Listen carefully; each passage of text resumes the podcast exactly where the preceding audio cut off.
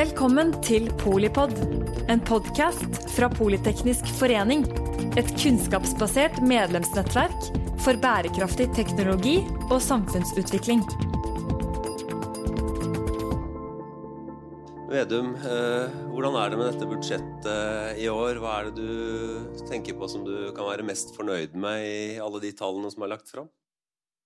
Når jeg er her, da, eh, så vil jeg egentlig trekke fram den som eh, egentlig en av mine store inspirasjonskilder til dette budsjettet. Han eh, levde nesten akkurat samtidig som Politeknisk forening ble stifta. Han heter Henry George og var en sosialfilosof og økonom.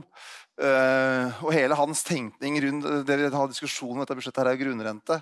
Og hele den tenkninga rundt hvordan naturressurser og fellesskapet skulle få inntekter med bakgrunn i store naturressurser, var det jo han som er en av hovedinspirasjonskildene til. Så når vi først liksom begynte med årstallene her, så må jeg, si, må jeg gå tilbake til eh, det som dette budsjettet kommer til å bli diskutert på i mange år framover. Så er det hele diskusjonen om grunnrente. Det er ikke noen ny debatt. Det har egentlig vært siden Politeknisk forening ble stifta.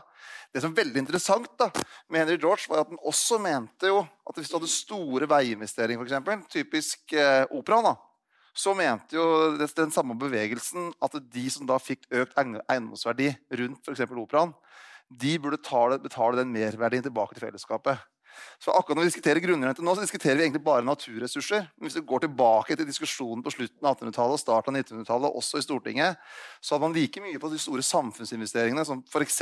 hvis du får en jernbane over akkurat ditt areal, og ditt, uh, din egen eiendom blir mye mer verdt, så burde den mergevinsten komme tilbake til fellesskapet. Det var det også votering på i Stortinget når vi fikk konsesjonslovene og konsesjonskraft. som vi fikk på starten av 1900-tallet, Men det tapte vi. Eller vi, da. så, jeg føler så, Nå var det var veldig sånn Henry George-inspirert her, da. Men det var jo den som trakk den eh, Det er alltid sånn Når du skal lese historie i ettertid, så, så, blir det alltid litt for tilfeldig hvem du trekker fram. Men den som forbindes mest med Norge, er Johan Castberg. Og, og, Det var jo også en diskusjon når vi fikk konsesjonsloven på, på, jord og skog og vannkraft og konsesjonskraft. Så var det også en diskusjon om at man skulle hatt den type store samfunnsinvesteringer at den merinntekta burde komme tilbake til fellesskapet. Så det er mest stolt over, eller det mest krevende eller mest spennende, velg hvilke ord du sjøl øh, ønsker, med dette budsjettet, det er jo den lange linja det handler om grunnrentebeskatning. Altså leie av grunn, som det kommer av, da, altså det, og hvordan de ressursene skal fordeles. Og Det har vært en historisk konflikt. Man skal jo helle borten opp etterpå. Og Da det her ble innført på starten av 1900-tallet, så kalte jo Høyre det da panikklovene. Eh, som eh, når det kom, var en panisk handling. At man da innførte det der. Og det er egentlig samme diskusjon i dag. Men jeg tror egentlig Høyre er glad for at vi gjør det. Men de det bare ikke høyt. Jeg tror de egentlig syns det er fornuftig. Eh, at det er en rett måte å beskatte på. Men at de syns det er godt at det er en annen som tar belastninga. Så det er egentlig det som er det mest spennende med dette budsjettet. Både grunnrente på havbruk. Der er det jo mye sånn misforståelser i debatten, mer eller mindre bevisst. For det er jo da en høring, og så skal hele forslaget komme til våren. Og også grunnrente på vindkraft. Og vindkraft fra som du var på Stortinget som rådgiver, så den tida der så brukte vi jo masse subsidier på å bygge vindkraft. Så det er gått fra en næring som alle har betalt for, til å bli en næring som gir stor avkastning. Og akkurat nå mener vi at det er rett tidspunkt da, for å innføre grunnrentebeskatning også på det. Så det tenker jeg er blant de tingene som kommer til å stå etter denne budsjetthøsten her. Og neste vår så er det hele diskusjonen rundt grunnrentebeskatning. For det, En ting er de der skiftende vindene og diskusjoner og 100 millioner hit eller 50 millioner dit. og Sånn vil det alltid være. Men så er det noen sånne merkesteiner.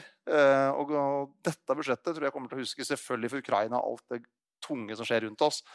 Og at uh, alle samfunnsøkonomer nå kan komme på TV hele tida og snakke om makroøkonomiske ting, og det er mer interessant enn millionene. Så det er sikkert et høyde, så nesten høytid for samfunnsøkonomer. sånn sett. Men, men, uh, men, egentlig, hvis du tar økonomfaget, så tror jeg diskusjonen om grunnrente kommer til å være dette årets uh, merkestein. Jeg vet ikke hva dere tenker? Jo, det, jeg syns det er veldig interessant. Jeg ja. tror også det er det som kommer til å bli husket mest fra denne høsten, fordi det er såpass ny endring, og også at dere var smarte å lade fram en uke før statsbudsjettet. Sånn at dere kunne ha litt uh, kontroll på det. Så det syns jeg var et bra grep. Ja, ja, hvis vi kan snakke litt mer om det, da, så var det at jeg gjorde også noe nytt. For jeg tror Jeg er jo glad i tradisjoner, da. Uh, og det er mange tradisjoner her i rommet, og det ser jeg jo når jeg ser på kong Haakon. Uh, en bærende institusjon. men da vi la i år, så hadde jeg noe som vi kalte Augustforedraget. Eh, og det er noe nytt som vi ikke har hatt før. Og det har jeg tenkt å ha noen år til. Eh, sånn at det gjør at kommende finansministre må ha det. Eh, for at Bent Høie innførte eller kanskje jeg tror det var Jonas jeg, som hadde den første sykehustalen når han var eh, helseminister. Og så videreførte Bent Høie det. Og da blir det, sånn, det nesten blitt en slags årlig tale innafor helsevesenet. Og jeg mener at det å ha noen sånne litt bredere taler også fra den som til enhver tid er finansminister, på hvordan man ser situasjonen før en budsjettkonferanse, er ganske uh, interessant. Uh, så det har jeg tenkt å innføre som en tradisjon. da. Så, så, så får vi se uh, om den som er finansminister etterpå, kommer til å videreføre det. Men jeg, og så tror jeg også det som har vært, hvis du tillater da, for at jeg var med på budsjettforhandlinger fra 2009 til 2013. Først som parlamentarisk leder og så som statsråd det var at det var veldig annerledes i år. Helt ekstremt annerledes. For vi har jo de budsjettprosessen altså Første budsjettkonferanse for neste år er 15. november, tror jeg. jeg. Hvis ikke husker helt feil. Den første runden vi skal ha på neste års statsbudsjett i regjeringa, er nå neste uke. da. Ja, da skal vi ha første runde. Det føles på en måte, jeg tror For en del statsråder så er det veldig utmattende. for da begynner Vi allerede å diskutere, altså vi har ikke vedtatt dette budsjettet, men vi begynner da neste uke med budsjettet for 2020. Fire. Det, det, det, arbeidet begynner neste uke. Og allerede har da departementene begynt å planlegge uh, hva de skal spille inn, og hva de er kritiske til, og alt det, det, det hører til. Dette har vært innført av forrige regjering, så all ære til de som sitter i rommet som kjenner til det. Uh, denne budsjettstrategikonferansen. Men det som var den store forskjellen i år sammenligna med sist jeg satt i regjering, det er at tallene har endra seg så voldsomt fra det som kalles marskonferansen, til augustkonferansen. Og at vi, eh, hvis vi gjør det litt forenkla sammenlignet med den perspektivmeldinga som Jan Tore Sanner la fram, der man beskrev at vanligvis det er et veldig rart ord, men vi kaller det profilpott i, i den politiske sammenhengen. altså Det du kan bruke på nye satsinger, dekke eh, kommunens økonomi eller sykehus, politi, alle tinga, har jo ligget egentlig på en sånn 15-20 milliarder i pluss. Og det var det det var også beskrevet i perspektivmeldinga. Men når vi kom i august, så var det 30 milliarder i minus. Og det var egentlig bakgrunnen for det augustforedraget òg. At her må vi forklare tegninga på en annen måte. Så sammenligna med det som jeg har vært vant til eh, siden jeg kom på Stortinget i 2005 og forrige gang jeg var i regjering, så mangla vi egentlig 50 milliarder. Så det var et helt, helt annet utgangspunkt. Og Derfor det augustforedraget, derfor også alle de intervjuene som statsministeren hadde, jeg hadde. Eh, og også eh, når vi skulle gjøre det på grunnrente, så måtte vi gjøre det Derfor vi gjorde det uka før er at vi visste at, blant annet, at noen av de spørsmålene er veldig børssensitive. Og når veldig mange får budsjettmateriale, sånn som du får de siste par dagene før eh, det blir offentlig, så er sannsynligheten for lekkasje såpass stor. Og det er ekstremt uheldig når noe er så sensitivt som det der. og Derfor så tok vi det nye grepet. Jeg vet at eh, Noen i opposisjonen mente at eh, hvorfor kommer det nå? Ut fra en sånn ta det i stortingssalen først. Men det var ut fra at eh, alle markedsaktører skulle få informasjonen på samme tid. Og vi så jo også at det skapte ganske store bølger. så Derfor så måtte vi ta det på den måten vi gjorde. Mm. Hva tenker du er det største dilemmaet i forhold til årets budsjett, når du ser på muligheten for resesjon i Europa neste år og den biten? Det største dilemmaet er jo egentlig altså, hvordan er det statsbudsjettene blir til? For vi, vi, det er jo en veldig det er jo utrolig omfattende arbeid og veldig mye datamateriale som ligger til grunn. Og da skal jeg bare si en ting for, til et samfunnsøkonomer som jobber f.eks. i SSB. Og det som er noe av det flotteste i det norske systemet, som vi fort glemmer, er jo at når Helge skal lage sitt, eller Orten fra Høyre skal lage sitt alternative budsjett, så baserer han seg på akkurat de samme faktaene som meg. Altså Det er Finansdepartementets folk som legger nå alle tallgrunnlaget til Høyres alternative budsjett. Så nå jobber de døgnet rundt oppi departementet mitt for å gjøre Høyre best mulig for at de skal legge fram sitt alternative budsjett. Det var helt utrolig bra. Og eh, SSB har, vi tar det som en selvfølge at vi er enige om statistikken. Men når vi ser den urolige verden som er rundt oss nå, tenk for et privilegium det er at når det kommer en SSB-rapport, så legger vi alle det til grunn. Så i norsk politisk eh, virkelighet, norsk offentlighet, så er vi enige om faktatallene. Det er basisen. Men det som har vært det mest vanskeligste i år, er jo at ting har endra seg hele tida. Så for Hver gang SSB har kommet med prognose, så er det noe annet. Hver gang Norges Bank har kommet med rentebane, så er det andre tall som ligger til grunn. Hver gang Finansdepartementets folk har, gjort nye kjøringer, så er det ganske annerledes enn de eh, kjøringene som var tre måneder før. Så verden har vært ekstremt urolig. Og Derfor så har det jo uh, vært også vanskeligere å ha riktige og gode prognoser. Og det har vært en utfordring for Norges Bank, for SSB, for Finansdepartementet, for alle som er ærlige med seg sjøl. Men allikevel så vil Helge, da han kom kommer med sitt budsjett, legge Finansdepartementets beregninger til grunn. Og det er utrolig viktig for folkestyret vårt at vi har tillit til grunntallet. At vi har tillit, at det er ikke sånn at jeg nå sitter og styrer Finansdepartementet for at Høyre skal få feil tall, eller Frp skal få feil tall.